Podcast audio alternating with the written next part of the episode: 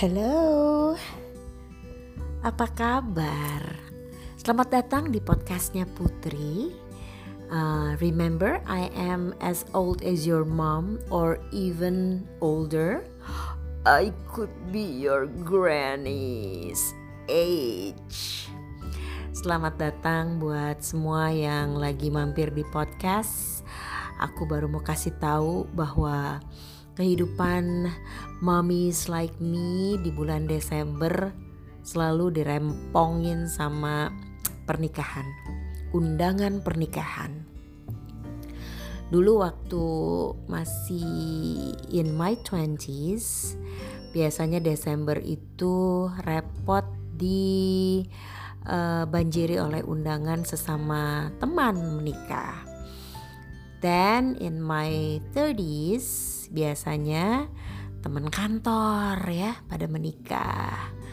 Then in my 40s biasanya di bulan Desember aku dibanjiri oleh pernikahan uh, sesama teman kantor kolega yang usianya lebih muda.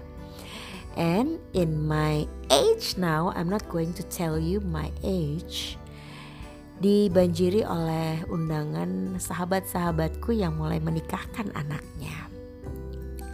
Dan tahun ini spesial karena all my best friends menikahkan anaknya di bulan Oktober, November, Desember ya. Dan uh, biasanya kalau ke pernikahan atau punya sahabat yang mau ngurus pernikahan lagi musim banget tuh. Sahabat-sahabat ibunya pakai seragam ya. Uh, aku juga gitu sih. Tetapi yang kepengen banget aku ceritain adalah uh, bisik-bisik teman-temanku yang anak-anaknya masih jomblo ya. Sambil mereka tuh mengatakan dan berharap banget bahwa aduh semoga anakku juga cepet dapet jodoh ya gitu. Ternyata kalau persoalan perjombloan tidak saja yang jomblo yang resah tetapi ternyata the mothers and the fathers mereka juga resah ya. Tapi sebenarnya kalau aku boleh kasih saran untuk lo lo semua yang masih pada jomblo santai ya. Gimana caranya untuk attract uh, lawan jenis sehingga mau jadi pasangan? Selain tentunya hmm, kita juga terbuka ya. Kita tuh harus otentik lagi. Jadi nggak usah deh pura-pura gitu ya. Dimanis-manisin kemudian didewasa-dewasain terus di seolah-olah kece gitu ya. Kayaknya nggak usah deh. Otentik aja ya. Dan jujur sama apa yang sebenarnya bikin lo happy. Apa yang lo sebenarnya mau dalam hidup ini. Supaya dapet pasangan yang juga persis seperti yang kita mau ya. Nomor dua lo mesti menampilkan sisi baiknya lo. Ingat ya, setiap dari kita tuh pasti ada sisi baiknya. Uh, jadi ditunjukin tuh sisi baiknya apa gitu. Dan uh, jangan pernah ragu uh, menganggap bahwa itu adalah sisi baik gue.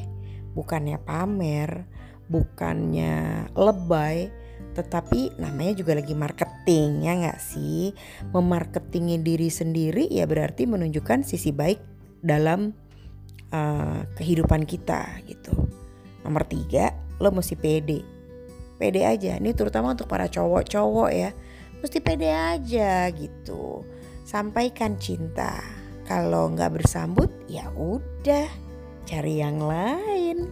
Susah amat ya yang perempuan juga gitu pede aja, pede pakai baju, menyapa duluan, tersenyum, ngajak makan duluan, WhatsApp duluan, atau tulis komen di sosmednya. Boleh kok nggak mure-mure banget kan? Ini cuma masalah percaya diri. Yang nomor empat, be open. Artinya lo harus terbuka. Jangan cepet pandangannya, jangan pokoknya gue mau sama cowok yang rambutnya pendek. Ketemu yang gondrong, udah cocok semuanya, eh nggak jadi. Cuma gara-gara aku nggak suka yang gondrong sih. Lah kalau cuma masalah rambut kan bisa dibawa ke tukang cukur ya nggak? Be open banget Jangan terlalu matokin. Aku hanya mau sama yang lulusan sekolah akuntan. Eh, tiba-tiba yang nembak kamu uh, jurusan fisip. Ya udahlah ya. Selama sama-sama punya masa depan, kenapa enggak?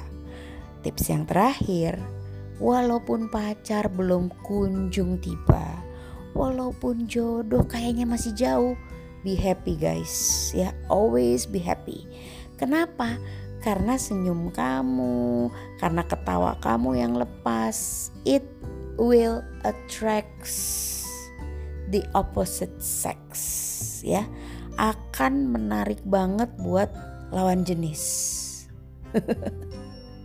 sehingga kamu at least dikenang wah tuh cewek yang kalau ketawanya enak banget Wah tuh cowok gila happy banget mukanya.